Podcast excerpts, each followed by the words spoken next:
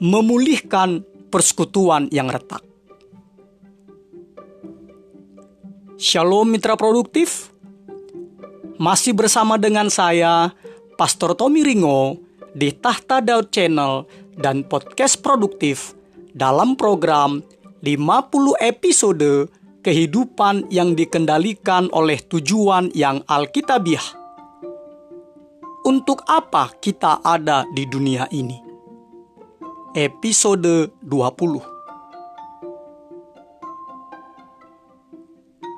Sebelum kita belajar bersama dan memulai perjalanan rohani yang mengasyikkan ini, mari kita memperkatakan dan merenungkan firman Allah yang tertulis dalam surat 2 Korintus 5 ayat 18 terjemahan God's Word Translation yang berkata,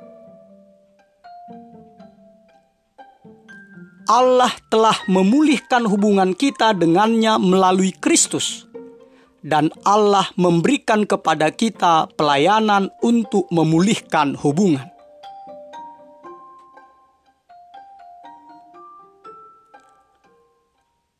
Dari ayat tersebut, mitra produktif, kita diingatkan bahwa hubungan selalu berharga untuk dipulihkan.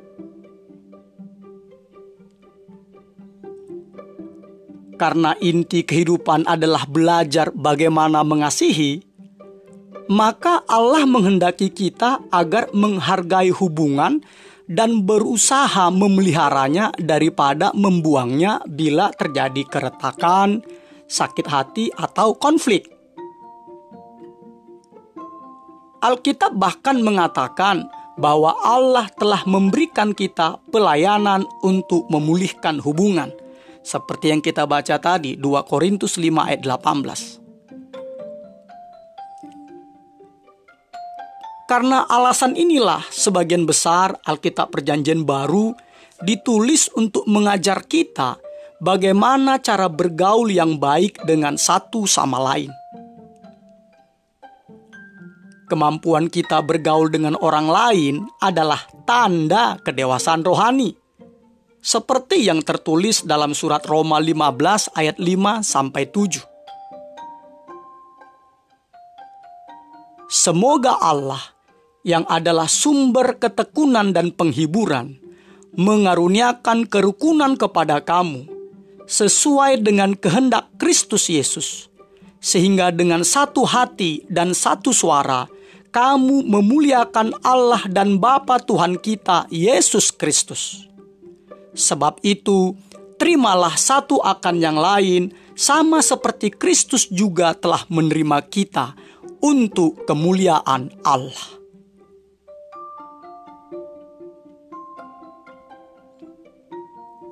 Karena Kristus ingin keluarganya dikenal melalui kasih terhadap satu sama lain, maka persekutuan yang retak adalah kesaksian yang memalukan bagi orang-orang yang belum percaya. Karena itu, Paulus begitu malu karena anggota jemaat di Korintus terpecah belah menjadi golongan-golongan yang saling bermusuh yang saling bermusuhan dan bahkan saling membawa perkaranya atau saling memperkarakannya ke pengadilan. Itu tertulis di 1 Korintus 6 ayat 1 sampai 9. Paulus sangat terkejut karena tidak seorang pun di dalam gereja itu yang cukup dewasa untuk menyelesaikan perselisihan atau konflik yang ada di antara mereka.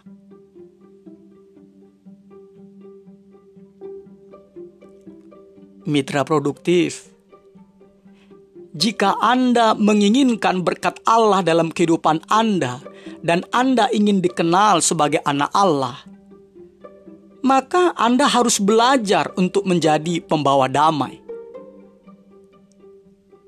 Yesus berkata dalam Injil Matius 5 ayat 9. Berbahagialah orang yang membawa damai, karena mereka akan disebut anak-anak Allah.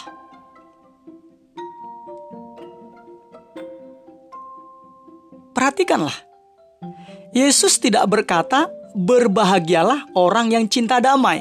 Ya, karena semua orang cinta damai. Yesus juga tidak berkata, "Berbahagialah orang yang hidup dengan damai," yaitu yang tidak pernah terganggu oleh apa pun. Yesus tidak berkata seperti itu. Yesus justru berkata seperti ini: "Berbahagialah orang yang membawa damai." Ini berarti Anda secara aktif berusaha menyelesaikan konflik, bukan sekedar cinta damai pembawa damai tidak banyak, karena membawa damai adalah pekerjaan yang sulit dan memerlukan kerja keras yang ekstra.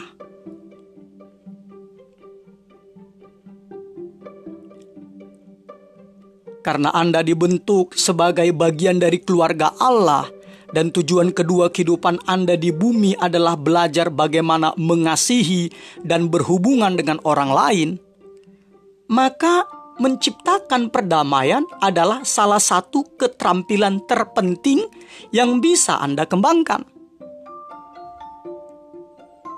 Sayangnya, sebagian besar dari kita tidak pernah diajarkan bagaimana menyelesaikan konflik.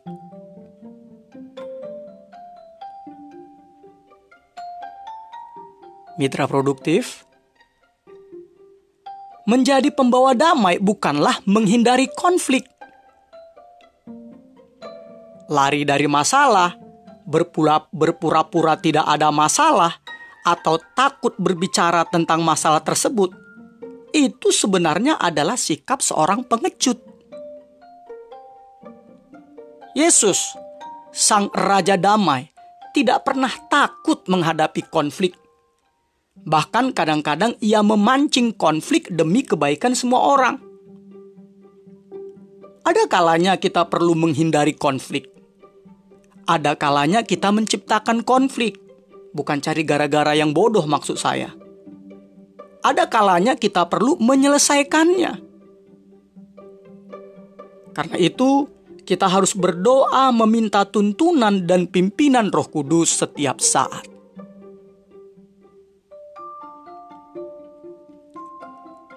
Menjadi pembawa damai juga bukan berarti memenuhi semua tuntutan orang lain yang selalu menyerah, bersikap seperti keset, dan membiarkan orang lain selalu menginjak-injak Anda. Bukan, bukan, bukan. Itu bukanlah seperti apa yang dipikirkan oleh Yesus. Ingat ini. Yesus tidak mau menyerah. Ia tetap menegur, berkonfrontasi, dan bertahan menghadapi beberapa oposisi atau kelompok jahat seperti ahli-ahli Taurat, orang-orang Farisi, orang-orang Saduki, orang-orang Herodian, pengikut Herodes, dan lainnya pada masa itu.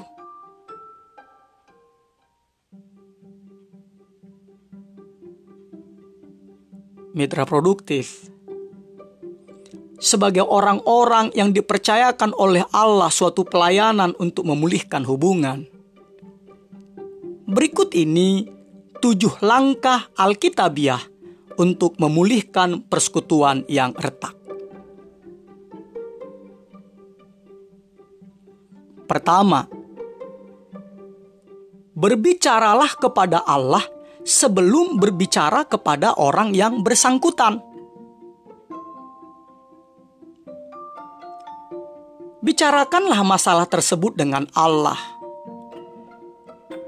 jika Anda mau mendoakan masalah tersebut lebih dahulu dan bukan menggosipkannya dengan seorang teman, apalagi demi mencari pembenaran diri serta mencari dukungan, maka Anda akan menemukan bahwa Allah mengubah hati Anda atau Allah mengubah hati orang lain tersebut tanpa bantuan Anda.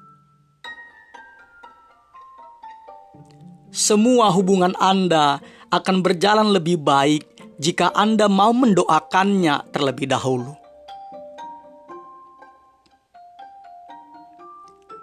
Seperti yang dilakukan Daud dengan mazmur-mazmurnya. Gunakanlah waktu berdoa Anda untuk mencurahkan isi hati Anda kepada Allah. Beritahukanlah kepada Allah rasa frustasi dan keputusasaan Anda dalam doa kepada Allah dan ia tidak pernah terganggu oleh kemarahan, luka hati, rasa tidak aman, atau emosi Anda yang lainnya. Ceritakanlah secara persis apa yang Anda rasakan. Sadarlah, sebagian besar konflik bersumber dari kebutuhan-kebutuhan yang tak terpenuhi dan sebagian dari kebutuhan tersebut hanya dapat dipenuhi oleh Allah. Jika Anda mengharapkan seseorang, apakah itu teman, pasangan, atasan, atau anggota keluarga, untuk memenuhi kebutuhan yang hanya dapat dipenuhi oleh Allah, berarti Anda sedang membuka diri pada kekecewaan dan kepahitan tidak ada seorang pun yang dapat memenuhi seluruh kebutuhan Anda kecuali Allah.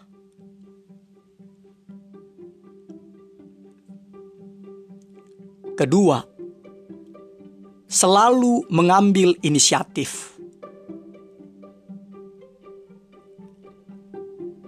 Tidak peduli apakah Anda orang yang melukai atau dilukai Allah ingin agar Anda mengambil langkah pertama. Jangan menunggu pihak lain. Pergi dan hampiri, hampirilah mereka lebih dahulu. Memulihkan persekutuan yang retak begitu penting. Sehingga Yesus mem memerintahkan kepada kita untuk memprioritaskannya dengan meninggalkan persembahan kita untuk berdamai dahulu dengan sesama kita. Seperti yang Yesus katakan dalam Injil Matius 5 ayat 23 sampai 24. Sebab itu, jika engkau mempersembahkan persembahanmu di atas mesbah dan engkau teringat akan sesuatu yang ada dalam hati saudaramu terhadap engkau, tinggalkanlah persembahanmu itu di depan mesbah itu, dan pergilah berdamai dahulu dengan saudaramu, lalu kembali untuk mempersembahkan persembahanmu itu.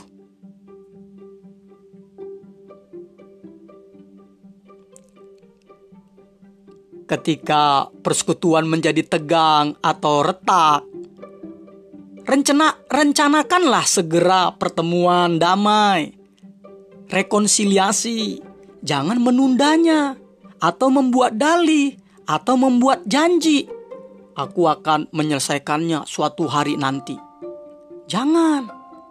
Jangan langsung lakukan. Jangan menundanya. Jadwalkanlah sebuah pertemuan tatap muka sesegera mungkin penundaan hanya memperdalam kemarahan dan memperburuk keadaan.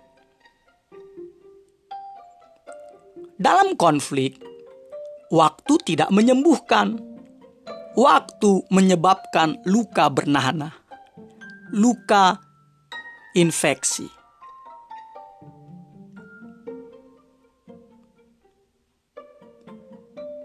Bertindak cepat juga mengurangi kerusakan rohani bagi Anda.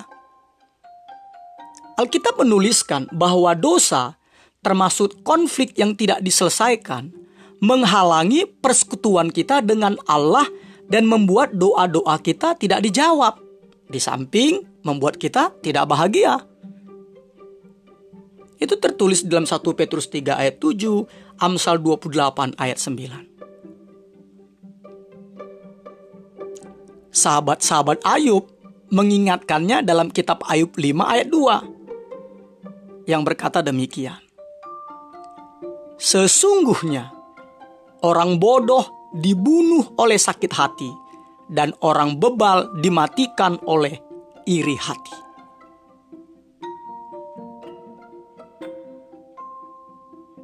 Mitra produktif, Waktu terbaik untuk melaksanakan rekonsiliasi atau pertemuan damai adalah ketika kedua belah pihak sedang tidak lelah, tidak tergesa-gesa, dan tidak ada urusan lain yang bisa mengganggu acara tersebut.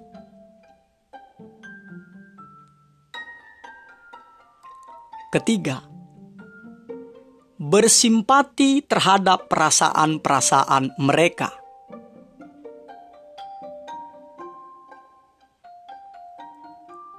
Gunakanlah telinga, telinga Anda lebih banyak daripada mulut Anda.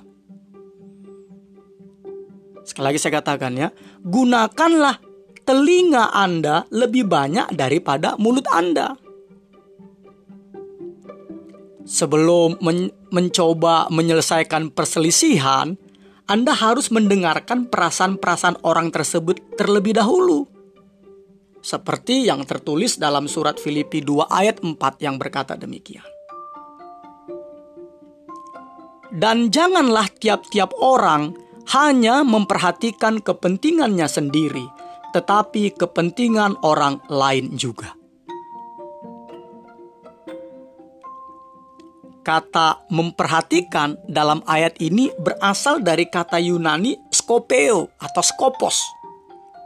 Akar kata dari teleskop dan mikroskop. Ini berarti apa?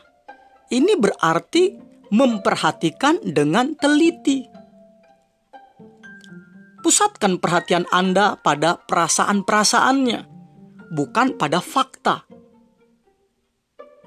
mulailah dengan sikap simpati, bukan solusi.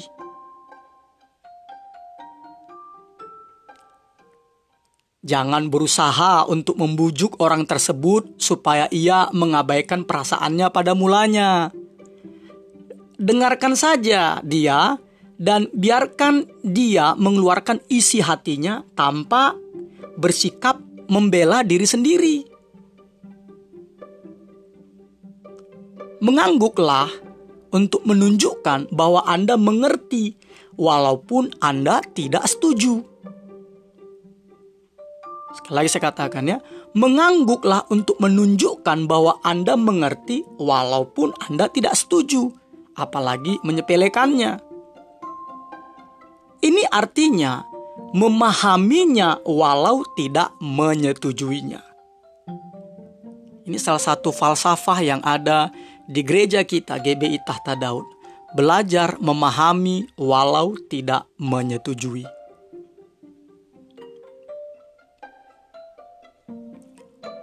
Perasaan tidaklah selalu benar atau masuk akal. Sebetulnya, mitra produktif, sakit hati membuat kita itu bertindak dan berpikir dengan cara-cara yang bodoh kita semua bersikap seperti hewan ketika terluka. Pemasmur mengakuinya dalam kitab Mazmur 73 ayat 21 sampai 22. Ketika hatiku merasa pahit dan buah pinggangku menusuk-nusuk rasanya, aku dungu dan tidak mengerti, seperti hewan aku di dekat.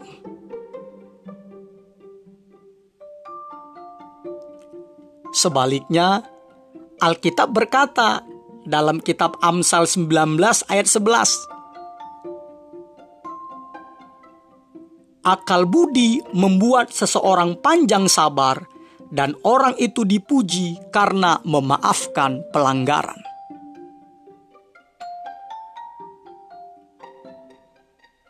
mitra produktif, kesabaran itu datang dari hikmat, dan hikmat datang dari mendengarkan pandangan orang lain. Sekali lagi saya katakan ya, kesabaran datang dari hikmat, dan hikmat datang dari mendengarkan pandangan orang lain. Ingatlah, orang tidak mempedulikan apa yang kita ketahui sampai mereka mengetahui bahwa kita peduli terhadap mereka.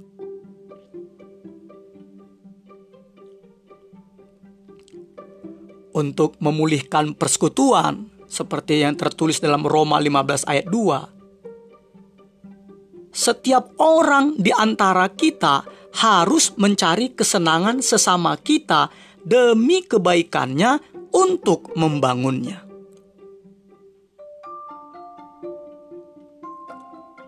Menerima kemarahan orang lain dengan sabar, terutama jika tidak ada dasarnya, adalah suatu pengorbanan. Inilah yang dilakukan Yesus untuk Anda.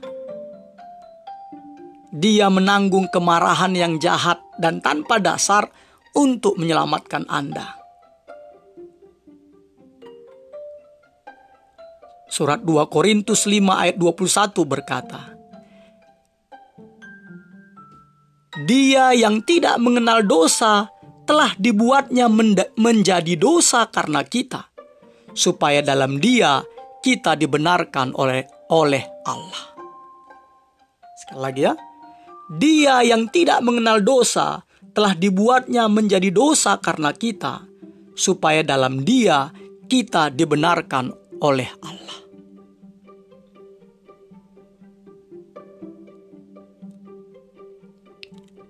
Keempat,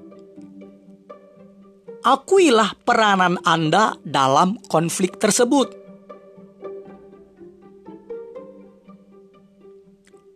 Jika Anda bersungguh-sungguh mau memulihkan suatu hubungan, Anda harus memulainya dengan mengakui kesalahan atau dosa Anda sendiri. Yesus berkata, Itulah cara terbaik untuk melihat berbagai hal dengan lebih jelas seperti yang tertulis dalam Injil Matius 7 ayat 5. Keluarkanlah dahulu balok dari matamu, maka engkau akan melihat dengan jelas untuk mengeluarkan selumbar itu dari mata saudaramu.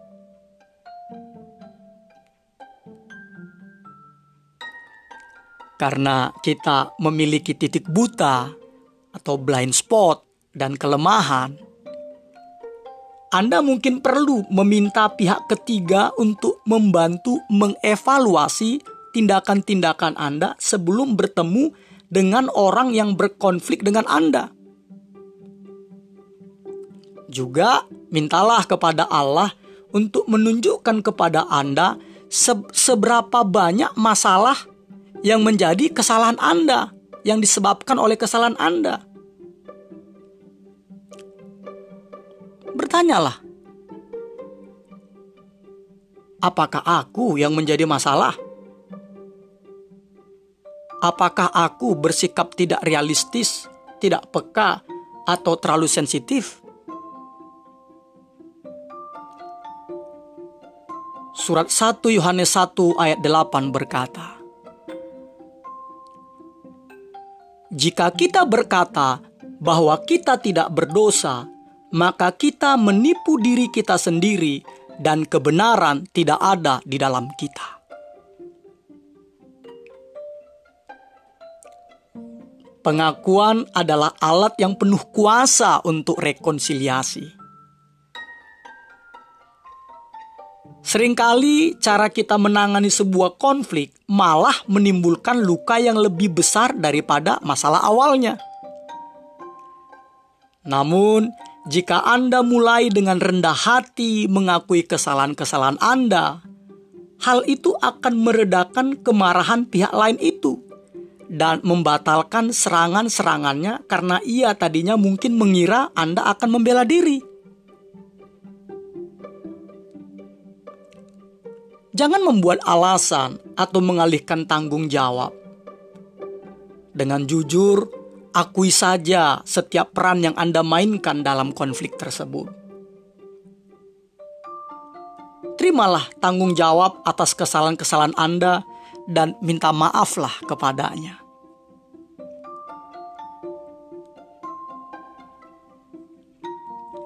Kelima, seranglah masalahnya, bukan orangnya.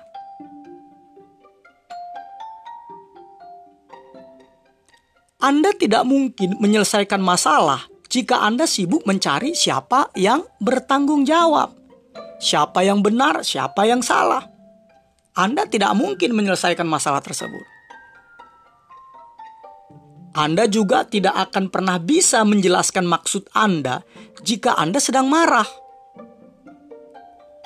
Karena itu, pilihlah kata-kata Anda dengan bijak. Jawaban yang lemah lembut selalu lebih baik daripada yang kasar. Seperti yang tertulis dalam kitab Amsal 15 ayat 1. Jawaban yang lemah lembut merenda, meredakan kegeraman, tetapi perkataan yang pedas membangkitkan marah.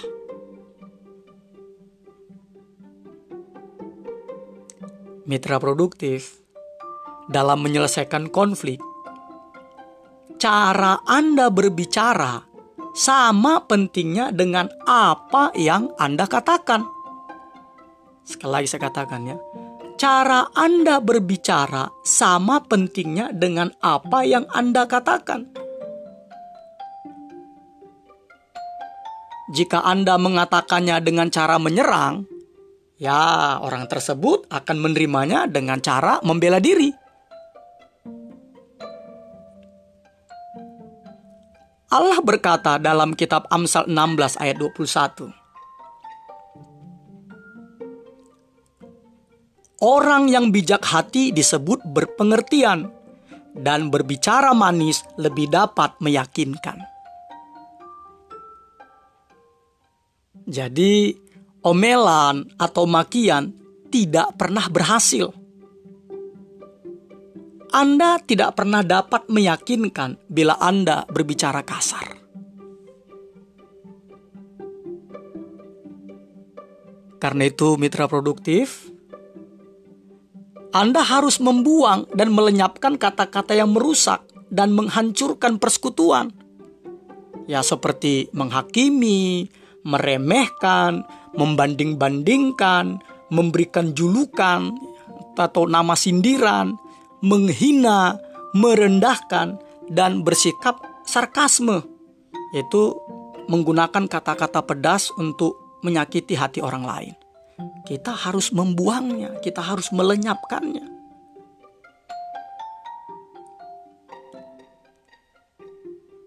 Paulus merangkumnya seperti yang tertulis dalam surat Efesus 4 ayat 29. Janganlah ada perkataan kotor keluar dari mulutmu, tetapi pakailah perkataan yang baik untuk membangun, di mana perlu, supaya mereka yang mendengarnya beroleh kasih karunia.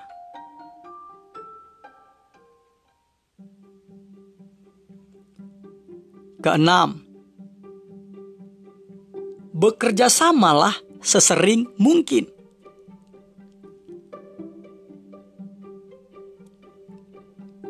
Surat Roma 12 ayat 18 berkata, Sedapat-dapatnya, kalau hal itu bergantung padamu, hiduplah dalam perdamaian dengan semua orang.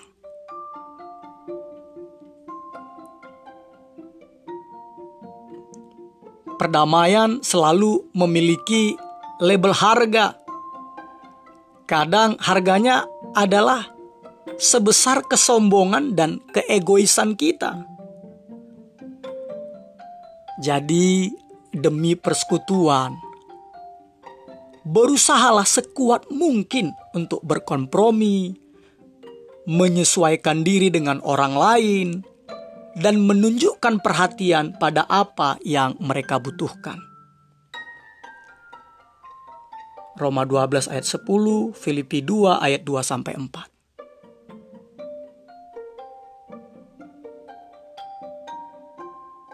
Parafrase ucapan bahagia Yesus dalam Injil Matius 5 ayat 9 terjemahan The Message. Nah, para para prase ini adalah penguraian kembali suatu teks dalam bentuk atau susunan kata-kata yang lain dengan maksud untuk dapat menjelaskan makna yang tersembunyi. Nah, jadi para prase dari ucapan bahagia Yesus dalam Injil Matius 5 ayat 9 Terjemahan The Message berkata demikian. Engkau diberkati jika engkau dapat menunjukkan kepada orang lain bagaimana cara bekerja sama, bukan berkompetisi atau berkelahi. Saat itulah engkau menemukan siapa dirimu dan tempatmu sebenarnya dalam keluarga Allah.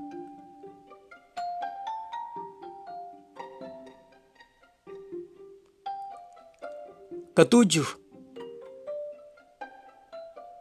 utamakanlah rekonsiliasi, bukan resolusi.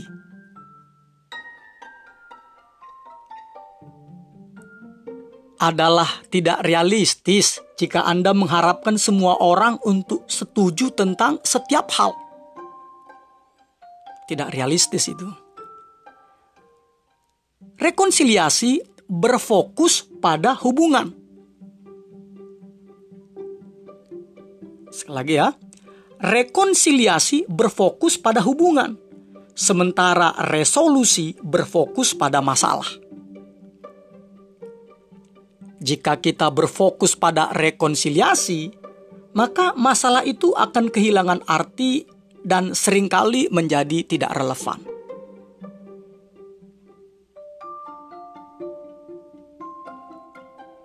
Mitra produktif kita dapat membangun kembali hubungan meskipun kita tidak mampu menyelesaikan perbedaan-perbedaan di antara kita. Meskipun kita tidak memiliki kata sepakat.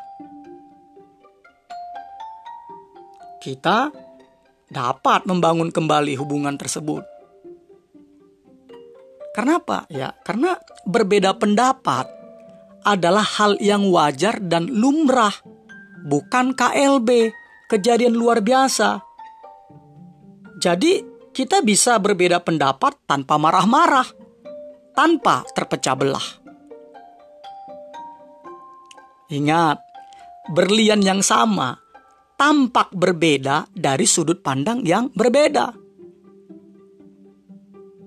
Dan lagi, Allah menghendaki kesatuan, bukan keseragaman dan kita dapat berjalan bergandengan tangan tanpa sepakat dalam semua hal.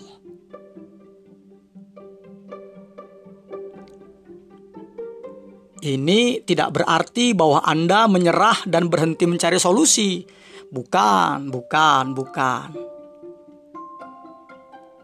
Anda mungkin perlu tetap berdiskusi dan bahkan berdebat, tetapi Anda melakukannya dalam semangat keharmonisan Ingat, berdebat adalah lawan dalam berbicara, tetapi teman untuk berpikir, bukan memperuncing konflik. Rekonsiliasi berarti Anda melupakan perbedaan pendapat yang terjadi, bukan masalahnya. Sekali lagi saya katakan ya, rekonsiliasi berarti anda melupakan perbedaan pendapat yang terjadi, bukan masalahnya. Jadi, mitra produktif, siapa yang perlu Anda hubungi sebagai hasil mendengarkan kebenaran ini? Dengan siapa Anda perlu memulihkan persekutuan? Jangan menundanya. Berhentilah sekarang dan berbicaralah kepada Allah tentang orang tersebut. Kemudian angkatlah telepon dan mulailah lakukan prosesnya. Jangan ditunda-tunda.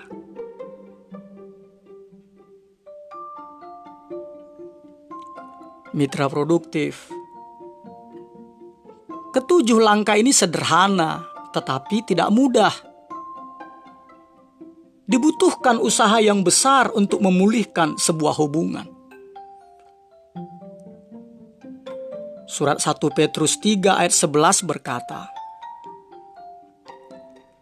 Ia harus menjauhi yang jahat dan melakukan yang baik.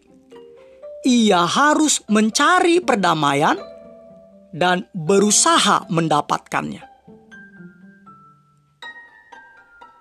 Ketika Anda mengusahakan perdamaian,